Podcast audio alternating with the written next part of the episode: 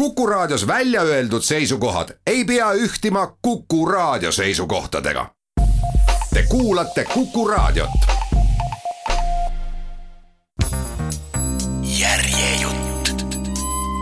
Natan Dubovitski, Nulli lähedal, kirjastuselt Postimees. järjejutt. kas tähemärke on palju? mitte eriti. Siis lugege. pealkiri on Karjäär. kuulake. Viktor Olegovitš ilmus Moskvasse tugeva nelja-viie mehena kuskilt kolkast. pürgis Lomonossovi nimelisse, ent sai sisse ainult mingisse suvalisse kõrgkooli misjärel talle kangastus aga selline lohutu tööle suunamine säärasesse pärapõrgusse, et ta kiirustas abielluma. Enda arvates arukalt, aga tegelikult tobedalt. Moskva sissekirjutusega. sissekirjutus osutus mitte enam nooreks naisterahvaks Hruštšovka kahetoalise kiimaliseks ja täitmatuks valitsejannaks, kelle juurde kuulusid ootamatult veel paralüütikust mees, endine aga ikkagi armastatud ja siinsamas elav ning juba eakas poeg, joodik, aga ikkagi armastatud ja siinsamas elav. sisse kirjutatud Viktor Olegovitš osutus jalge alla tallatuks ja täielikult orjastatuks. ta rabeles kahel töökohal, tegi kodus kõike toitis oma haisvat kolleegi paralüütikut, kes meheks pidas ennast, aga Viktor Olegovitši sõimas maamatsiks. sai kolki oma võimsa kasupoja käest ja vaevles abikaasa eksootilistele seksuaalsetele tungidele alludes. sellised olmetingimused kurnasid Viktor Olegovitši täiesti välja. Pole siis ime, et ükskord, kui ta saabus ühele oma töökohtadest ja üks arvukatest ülemustest ta oma kabinetti kamandas, kus talle sai osaks alandav peapesu mingisuguste segiaetud aruande ja saatelehtede pärast, mis olevat põhjustanud asjaajamise katastroofilise kokkuvarisemise, puhkes ta valjusti nutma ja läks hulluks. Viktor Olegovitši hullumeelsus oli lootustandev. kõigepealt sai talle selgeks, et ta on Bertolt Schwarz. Ta leiutas sealsamas püssirohu ja laskis oma töökoha õhku ning loomulikult sattus meditsiinilise personali haardesse meditsiiniline personal veenis Viktor Olegovitši füüsiliste ja keemiliste mõjutusvahendite abil küllaltki kiiresti, et ta ei ole Berthold Schwarz ja et püssirohu leiutas ta ilmaasjata. Viktor Olegovitš andis survele järele, nõustus, et ta ei ole Schwarz, kuid samas ei tunnistanud ennast ka Viktor Olegovitšiks. ta siirdus literaatide leeri. kirjutas kahe päevaga valmis romaani Auk, mida ta muide polnud kunagi varem lugenud ja hakkas esinema kirjanik Platonovina. Siis hakkas asjaga tegelema professuur. romaan tunnistati andekalt kirjutatuks, kuid ajakohatuks. Viktor Olegovitš sai oma meelehärmiks teada, et Platonov on ammu surnud, olles enne jõudnud kirja panna täpselt samasuguse teksti ja palju muudki. millest järeldus, et kirjanik Platonoviks ei saa Viktor Olegovitš ennast kuidagi pidada. patsient andis taas järele, ent Viktor Olegovitšiks ennast ikkagi ei tunnistanud ta laskis end kiiresti haarata maalikunstist ja hommikul säras palati seinal kohutavalt kohatu Rafaeli Madonna. Rafaeli väljaajamisele kulus kuu aega. Viktor Olegovitš leebus. ta sai aru, et oli püüdnud liiga kõrgele lennata. hakkas valima tagasihoidlikumaid rolle. isegi kauples professuuriga, anudes luba olla kas või patsient H kaheksandast palatist. aga professuur ei läinud kompromissile.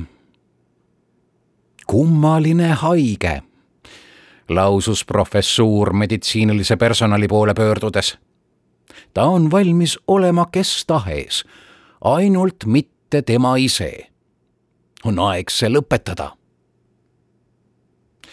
ja jätkas juba Viktor Olegovitši poole pöördudes. Viktor Olegovitš, te olete Viktor Olegovitš ja rohkem mitte keegi ja selle alusel kirjutan ma teid kategooriliselt välja välja kirjutatud Viktor Olegovitš lonkis pikki tänavat nii norumeelselt, et ringi jalutav tundmatu Limitšik otsustas teda lihtsalt kaastundest õllega kostitada. õllekas oli umbne ja palav. varsti puhkes kõrval arusaamatul põhjusel kaklus, mis haaras kaasa ka Viktor Olegovitši tundmatu soosija, kes läks karvupidi kokku kellegi üliõpilasega tudeng oli Limitšikust väiksem ja kartes tollele alla jääda, tõmbas noa välja. siis haaras Limitšik Viktor Olegovitši ja paiskas ta tudengi pihta. Viktor Olegovitš tundis hetke jooksul kahemõttelist naudingut vabast lennust ja tabas siis tudengit otse pähe. üliõpilase pea ragises. Viktor Olegovitš kaotas teadvuse. meelemärkusele tuli ta miilitsajaoskonnas. Te olite osaline inimese tapmises, teatas miilits. mina ei tapnud, hakkas Viktor Olegovitš värisema. no jaa, teie ei tapnud, aga teiega tapeti, tõi miilits asjasse selgust ja lubas Viktor Olegovitšil oma teed minna. aga tema ei läinud. Ennast vanglas sisse seadnud, pidas ta ennast viisakalt üleval, andis meelsasti tunnistusi. eriti meeldis talle uurimiseksperiment, kui Limitšik, näidates, kuidas kõik oli olnud, võttis Viktor Olegovitši, tõstis ta üles enda kohale ja laskis aeglaselt sinna, kus teatud hetkel oli seisnud üliõpilane, nüüdne kadunuke. pärast toimus kohus, mille käigus üliõpilase kilesse mässitud nuga, lõhutud tool, keskendunud Viktor Olegovitš ja katkine õllekann esinesid asitõenditena. Limitšik sai kaheksa aastat. Viktor Olegovitšil tuli aga hüvasti jätta vangikongi ja asitõendi mugava ametiga. kohtusaalist väljunud loobus Viktor Olegovitš naasmast Moskva sissekirjutuse kahetoalisesse despootiasse ja asutas end elama ringtee taguses vähenõudlikus metsatukas. seal elutses ta esialgu filosoofina kuid pakase ja marjatoidu kasinuse tõttu metsistus aja jooksul üha enam ning hakkas sooritama ümbruskonnas rüüsteretki lihakraami hankimiseks. pikkade talvede kõige süngematel öödel ei põlanud ta ära ka inimliha. sellise kuritarvituse tagajärjel kasvasid talle sarved, kihvad ja lopsakas karvkate, mõningail andmel aga ka saba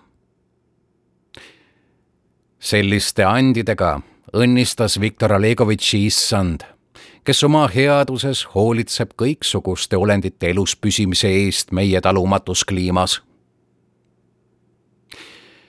issand saatis sellisel moel loomastunud Viktor Olegovitšile ka vahendi kõige võimsama maise vajaduse rahuldamiseks, lastes tal ära tõmmata ja metsa tassida kõrvalises maakohas asuva raudteejaama viljakas eas koristaja.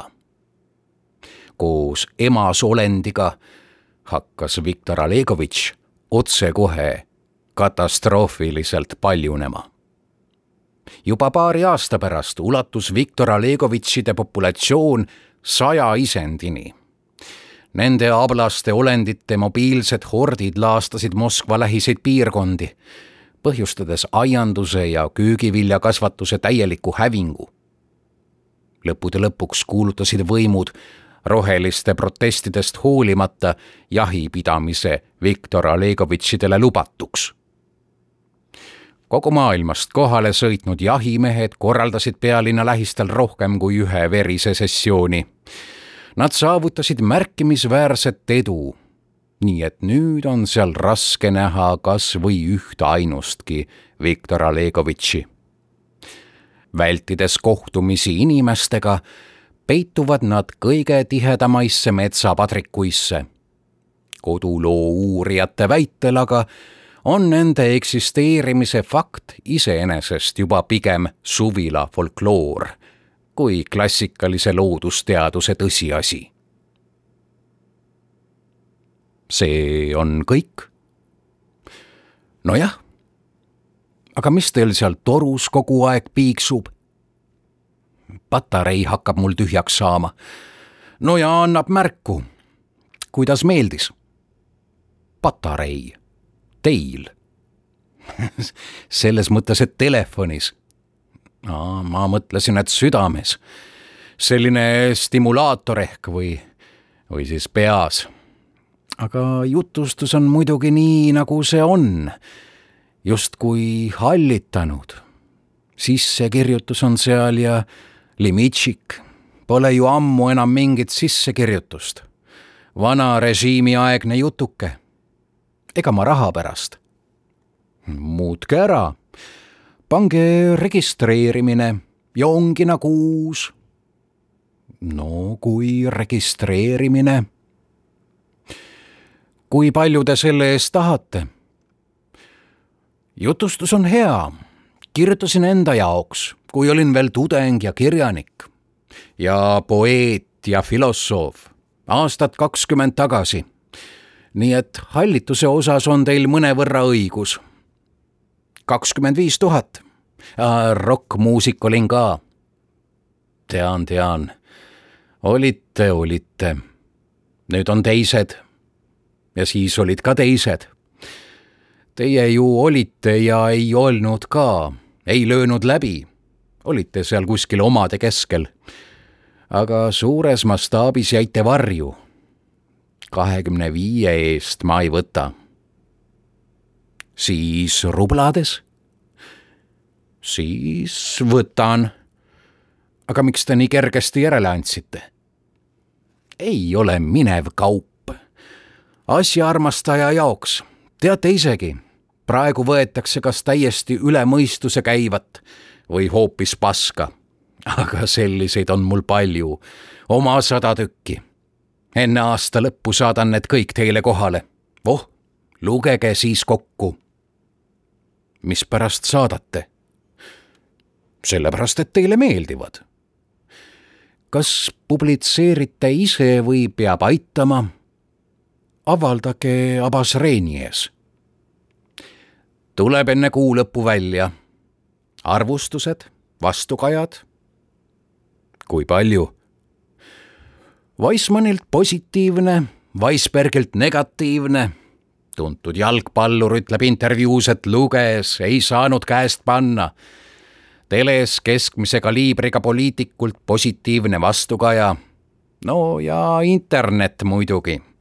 Sinna peldikusse läheb kõike mis tahes, palju ja odavalt ühesõnaga standardpakett, kakskümmend viis. loodan, et dollarites. no kui eurodes, siis ma ei võta. mõelge ise, Weissmann, Weisberg, jalgpallur oma kolm miljonit hakkavad teid kiitma, aga teie siin mingisuguste eurode pärast. Võtan, kui teeme dollarites hea küll, võtke. Weissmanni jaoks pole see põhiline sissetulekuallikas, elab üle. tehke ära. pseudonüüm on ikka seesama. kas ikka jälle? kuidas saab avaldada avaldamiskõlbmatu pseudonüümiga? ma olen selle all juba enam-vähem tuntud. Rebranding tähendaks tarbetut lisakulu. no ja riski ka. siis visake viis juurde. Abasrenie oli tookord vaevu nõus. peatoimetaja on seal rindemees ja ortodoks. mis rindemees? ta pole ju kolmekümnenegi. kolmkümmend kaks. Kaukaasia sõjas mehisuse orden ja puha. Kui kangelane, siis lisame kümme. aga selle eest, et on pede, trahvime üheksaga. kokkuvõttes pluss üks, rohkem ma ei anna. kust te teate, et ta on lilla? Te ise ütlesite. mina. just praegu, rindemees ja seesamune. ortodoks nojah. Hea küll, pluss üks. raha toob Sanja kohale. Teile ju meeldib sulas. minu sohver või ei, ta palus ennast vabaks. tal oli midagi jalaga või oli naisega. ühte lugu on tal kord jalg, kord naine. siis peab see sõitma. minu turvamees, mis ta nimi oligi, läks meelest ära peaks nagu teadma, aga no see meeter üheksakümne viiene, te teate teda. kui esimest korda mulle jutu müüsite, läksime koos tähistama. mäletate, ta veel lahutas meid, kui te Puškini kohta halvasti ütlesite, aga mina astusin tema eest välja ja lõin teil nina puruks Puškini eest. ma lõin teil ka. turvat ei mäleta. ega see polegi oluline las tuleb, toob ära homme enne kahtteist. Sanja. mis? ta nimi on Sanja, tuli meelde, nagu Puškinil ja nagu autojuhil. Jess, Sanja, ühe S-iga. see tähendab mitte kahega. nali. nägemist, Pavel Jevgenjevitš jutustuse annan Sanjale.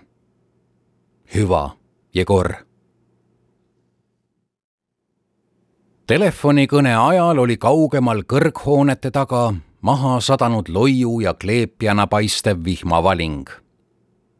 hääletute välkude virvendades pälvis see paar sõna ka uudistes, kuid niiske pilvelaam värskendavat jahutust ei ootanud ja kesklinnani ei jõudnudki laisalt linnaserva kohal roomates takerdus see seal kuskile, valades maha pilvetäie sitkelt venivat, peaaegu kuuma vett. aga siin täitis tänavaid juba hommikust saadik ainult Moskvale omane rasvane tahmunud leitsak. lausa kombitav ja silmaga nähtav lämbus surus akendele, püüdes sissegi pressida Jegor oli harjunud ja karastunud elama jahedas ja tõmbetuule käes. palavust aga ei talunud. Arvukad modernsed konditsioneerid ja ventilaatorid ei lasknud ta korteris soojust seitsmeteistkümnest kraadist kõrgemale tõusta. harvad külalised, kes vahel Jegori juures käisid, tulid tavaliselt talvevarustusega ja mõni isegi kõrvikuga nüüd oli vaja minna kohtuma. esmalt Agaltsoviga, alkohooliku, poeedi, tõlkija, kokainistiga, pärast Nikitaga, ajakirjanikuga. tähendab, tuleb oma sada sammu lõõsas kõndida. mõlemad kohtumised olid kokku lepitud restoranis Almaznõi sellesama maja esimesel korrusel, mille katusele tehtud erakordselt kallis pealeehitises elaski Jegor. Almaznõi nime polnud kunagi muudetud. peremehed, köök ja interjöör olid aga kolm korda vahetunud. kaheksakümnendate lõpus oli see esimese Nõukogude restoranina öösiti töötama hakanud. kogenematu, lihtsameelne klient, fraier, kes süüa saada lootes sisse astus, sattus lohaka, hoolimatu ja ebakaine kelneri küüsi. menüüd ei antud, kuid eritasu eest teatati saladuskatte all, et võib saada lihalõike, kalalõike, Gruusia kanarooga, tabaka, viina, šampanjat, pool magusat. Estraadil laulsid kartlikud muusikud Tonni Kallastelt, Vahtra oksakesest ja sinu pisaraist niisutatud rätikust muusikud kartsid väljakutsuvalt kriminaalse moega ülbeid külastajaid. Need olid inimesed, kes igal öösel tähistasid kellegi ema sünnipäeva ja kandsid nimesid Patinak, Tjatja ja Koga Hugenot. Üheksakümnendal aastal hakkas tumesiniste tätoveeringutega kaetud element kaduma vähehaaval maha lastuna noorte progressiivselt mõtlevate brigadiride poolt. Almaznõis tehti sel puhul euroremont. menüüsse siginesid homaarid ja steigid, kelnerid muutusid kaineks. tormilistel aegadel bandiidid segunesid, hõõrusid puhtamaks, omandasid lihvi, silenesid ja ümardusid nagu munakivid Valge mere plaažil elu peremeheks sai punapõskne, täidlane, seasilmne tüüp. kartmatu, sest polnud kinni istunud. sentimentaalne ja seetõttu metseenlust harrastav. lähtudes oma tagasihoidlikest ettekujutustest kunsti ja ilu kohta tollal asutas end kõrgele Almaznoi kohale elama ka Jegor restorani astus ta algul sisse pärast reede õhtuid pead parandama, sest oli lähedal. aga pärast harjus ära ja laskus sageli alla lihtsalt sööma, justkui kodulähedasse sööklasse. nullindate lõpus kroonis kriminaalse vennaskonna mutatsiooni täielik ümbersünd.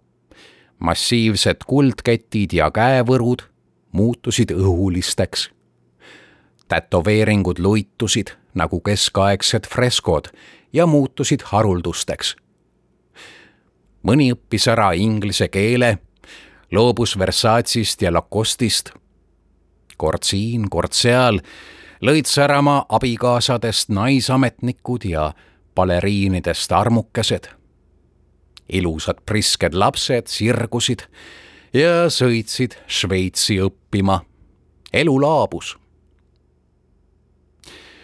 Almaznõi sai samuti tuntuks modernsuse poolest. seal oli kõik niivõrd stiilne ja maitsekas, kui oskab vaid tahta igavlev, ei ealeski näljane inimese alamliik, kes raha ei loe.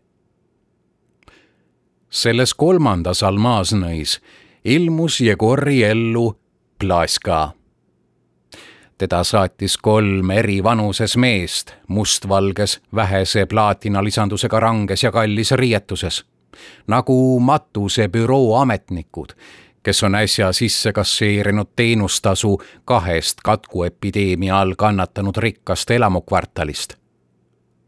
pärast tundus talle imelik, et oli esmapilgul märganud nimelt neid mustvalgeid vendi aga naine justkui imbus nende vahelt välja, mitte ühe korraga, vaid vaikselt nähtavale ilmudes, hapra joonistusena, kergelt kähiseva häälega.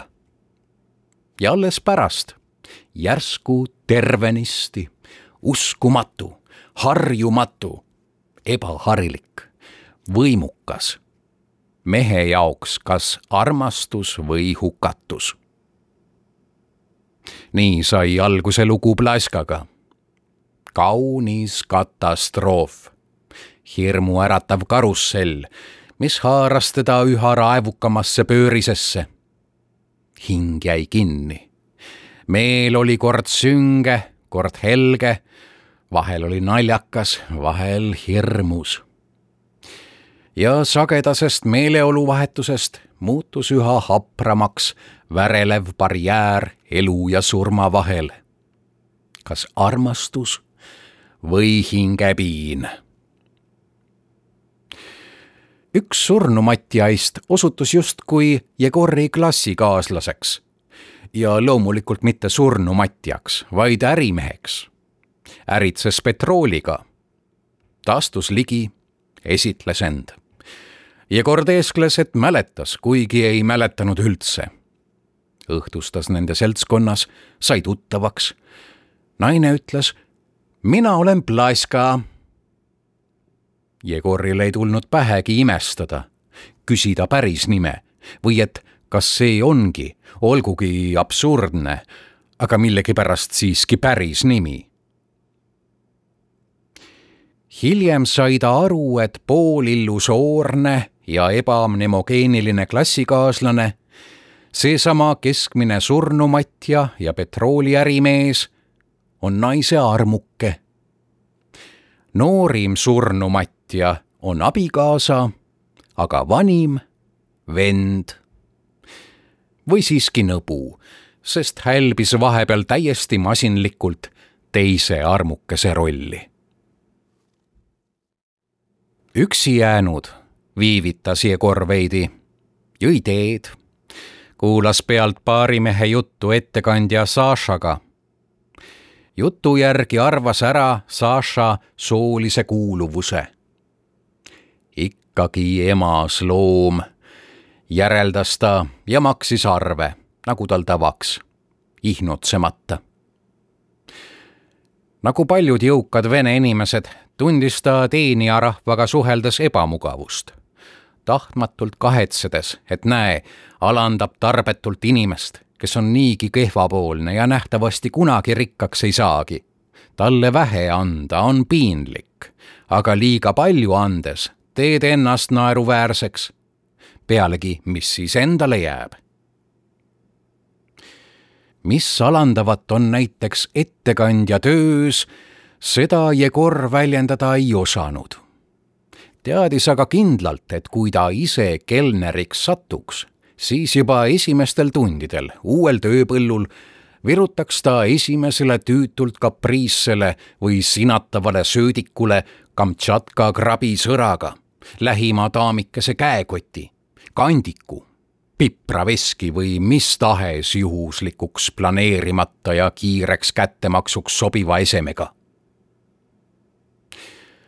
Saša aga ei osutanud tema pillavusele mingit tähelepanu ja võttis raha vastu ilma vähimagi tänulikkuse varjundita. leitsak oli õhtuselt alla vajunud, tihkelt halliks ja räpaseks tõmbunud, kohati lausa mustendama hakanud ning raskeks vettinud nagu kevadine lumi tänaval higistasid ja vaevlesid nagu praeahjus hummerite ja pemarite vahel ihukaitsjad, oodates Almaznõis või üle tänava avatud butiikides aega veetvaid hinnalisi ihusid. välja tulnud Jegorile suunati mõni valvas pilk, kuid hetkelise hinnangu järel ei, pole meie mees, ei pööratud talle enam tähelepanu ja ta suundus koju Jegoril endal polnud kunagi turvamehi olnud.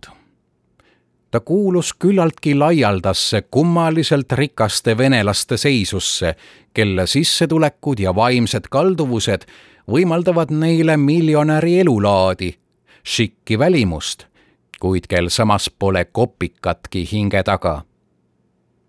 raha tuli sisse kõvasti, kuid seda kulutati laial käel ja teab mille peale ja Korr ei osanud säästa ega raha kõrvale panna, kuigi oleks tahtnud teha nii üht kui ka teist.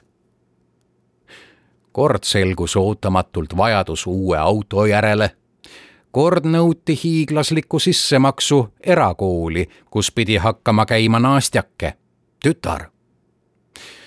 Endise naise isa põdes üliharuldast haigust, mida raviti Ameerika eksperimentaalpillidega, mille röögatud hinda oli üksnes sotsiaalselt vastutustundlik firma võimeline lootusetult tõbiselt seaduslikult välja pressima. Kunagi ostetud maavaldus osutus ebaseaduslikult müüduks ja sellest sugenes aastaid kestev kohtuasi advokaatide röövellikkuse ja väikeametnike sulitsemisega. kord kukkus dollar, kord komistas rubla.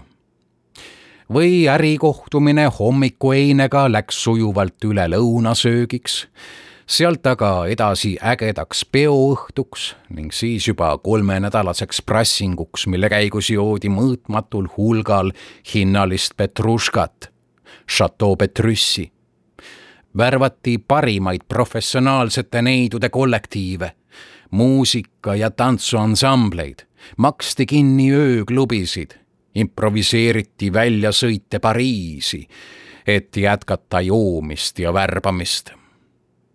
Aga veel võis ette tulla abielulahutus koos vajadusega osta maja endisele naisele ja naastjale ning siis veel iga kuu midagi maksta ja kuulda nuukseid finantseerimise vähesusest ja suurenevaist väljaminekuist kasvavale lapsele.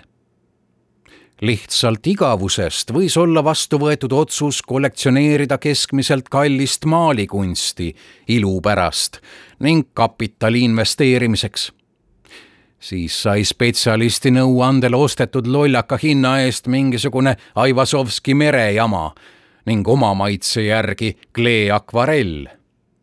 kuid tuhin läks üle ja üks rumalust riputati plasmateleri kohale trenažööri juures, et oleks, mida ellipsoidil higistades vaadata. teine aga visati prügikotti, sest selgus, et see pole üldse mitte klee, vaid debiilne võltsing. siis aga näiteks saab Sidorov parim sõber ausõna peale laenuks hunniku raha ja kaob pärast seda jäljetult, igaveseks. sääste ei olnud. harjunust halvemini elada tundus mõeldamatu. ent võimalus libiseda vaesusse ilma uute sissetulekute laekumise tõenäosuseta oli vägagi tõenäoline see võis juhtuda iga hetk ja üsna lihtsalt. nii et mida rahakamaks, seda närvilisemaks ja tuleviku suhtes ebakindlamaks Jegor muutus. külm uhkus, range rahulikkus on sedasorti rikkuritele võõras Nende tulevikku ei kindlusta keemiakombinaatide aktsiad ja offshore firmadesse peidetud raha see on turbulentne, hägune ja ebameeldiv.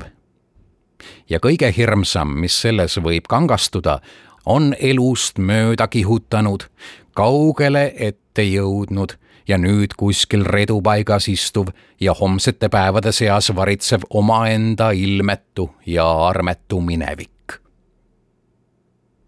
kunagi sai ta peaaegu reeturlikult unustusse heidetud öösel magava abitu lapsena sõnamurdlikult ja julmalt hüljatud, et ise põgeneda millegi parema lootuses.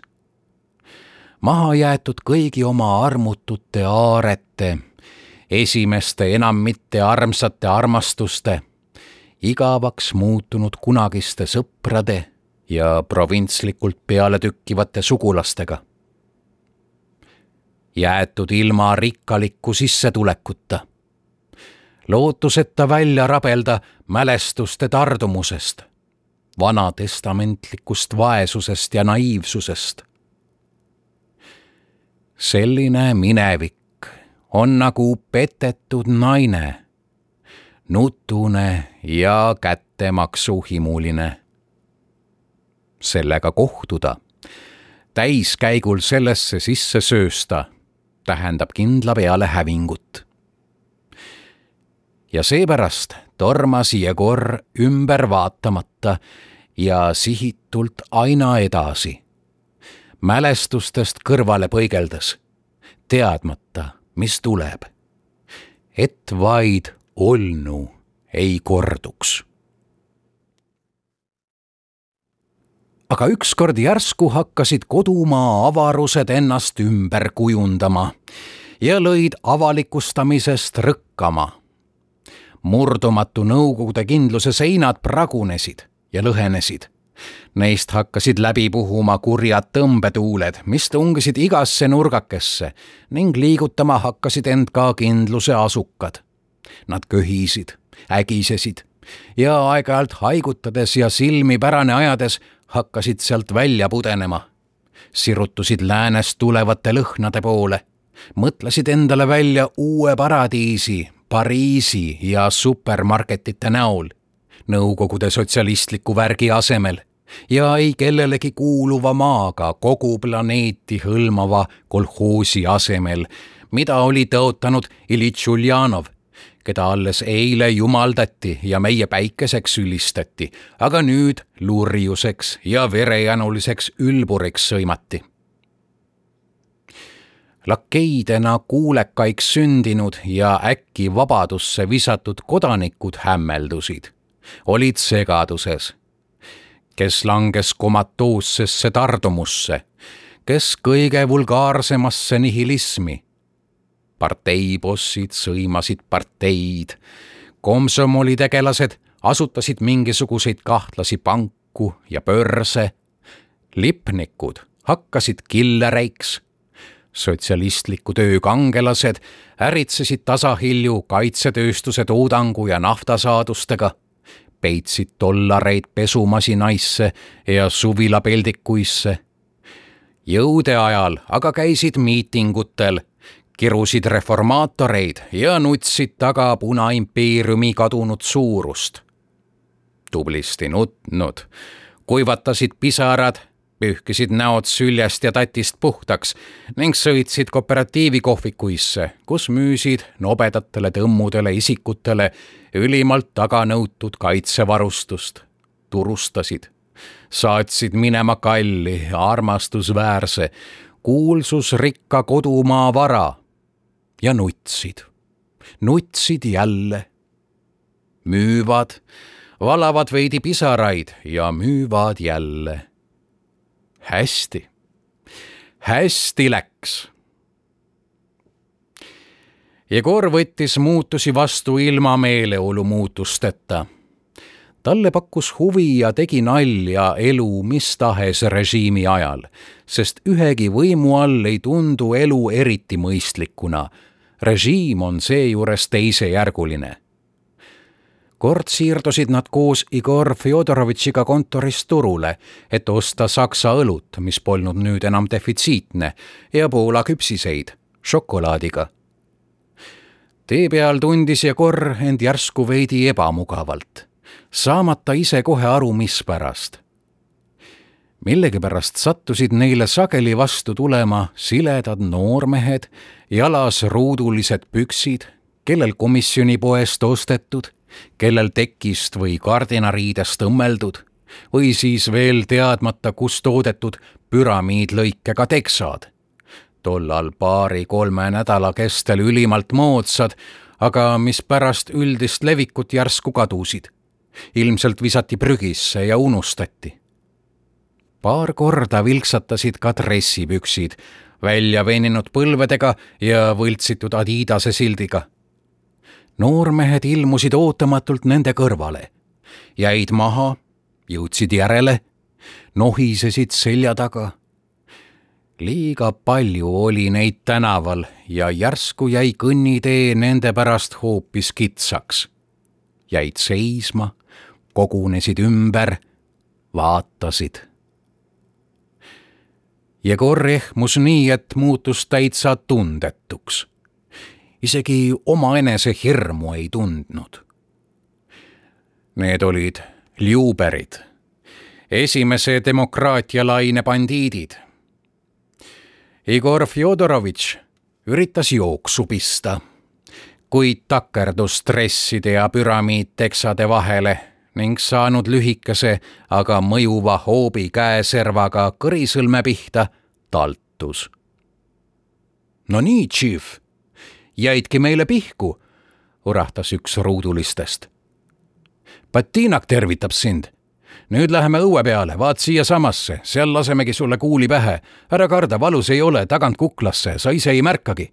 ainult ära möirga, ära tee kära. aga kes see on? mis kuradi fraier? ei keegi, lihtsalt töökaaslane, toimetaja. tema ei puutu asjasse. Igor Fjodorovitši ootamatult külmavereline toon hämmastas Jegori. ärge puutuge teda. ruuduline vaatas pikalt Jegorile silma. Jegor vaatas endasse. seal oli tühi ja ootamatult vaikne nagu külas keskpäeval. ruuduline eemaldus mõne sammu, dressid ja püramiidid kogunesid ta ümber, välja arvatud kolm, kes jäid valvama Tšernenkot ja Jegori ning hakkasid tarmukalt ja kirglikult omavahel sosistama, vahepeal valjusti ropendades siis eraldus summast keegi roosakas blondiks värvitud juustega vist ehtsas puumadressis, vajus Jegori juurde ja lausus. vabanda, me ei tundnud ära, ei saanud aru, täielik mitte understanding. anna onu Ahmetile edasi tervitus Liubertsi poiste poolt. sina, kits, ütle aitäh, et koos selle lugupeetud mehega ringi jalutad, aga muidu lamaksid läbi lastud katusega koolimaja solgiaugus aga ega sa sitapea ei pääse. lamama jääd lõpuks ikka, selles ära kahtle. aga mitte täna, hea küll, täna mitte. Roosakas blond gangsta surus Jegori kätt ja juhtis jõugu sellesama koolimaja hoovi, kuhu võinuks lamama jääda Igor Fjodorovitš, kes nagu nüüd oli selgunud, polnud ainuüksi Stevensi spetsialist vaid ka Chief, Kits ja Sitapea. Jegor, nüüd me õlut tooma ei lähe. tulge koos minuga, pomises Tšernenko. Nad naasid kirjastushoone juurde, möödusid sellest ja Põik tänavas sisenesid Stalini aegsesse majja, mille uhkeldava fassaadi taga oli vinditavaid segaseisuslasi täis topitud kommunaalkorterid. neljandal korrusel oli üksainus uks. Tšernenko lausus fonolukku mikrofoni Chief, Chief ja uks avanes. Jegor nägi esimest korda toimivat, täiesti töökorras fonolukku ukse avas neile sorakal hallide juustega rõõmus vanake, kes nägi välja nagu nüüd sama Nobeli auhinna saanud ja vuntsid maha ajanud Einstein.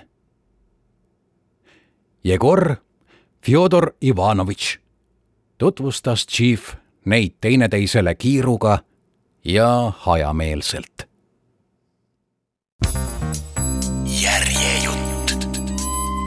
Natan Dubovitski, Nulli lähedal, kirjastuselt Postimees. järjejutt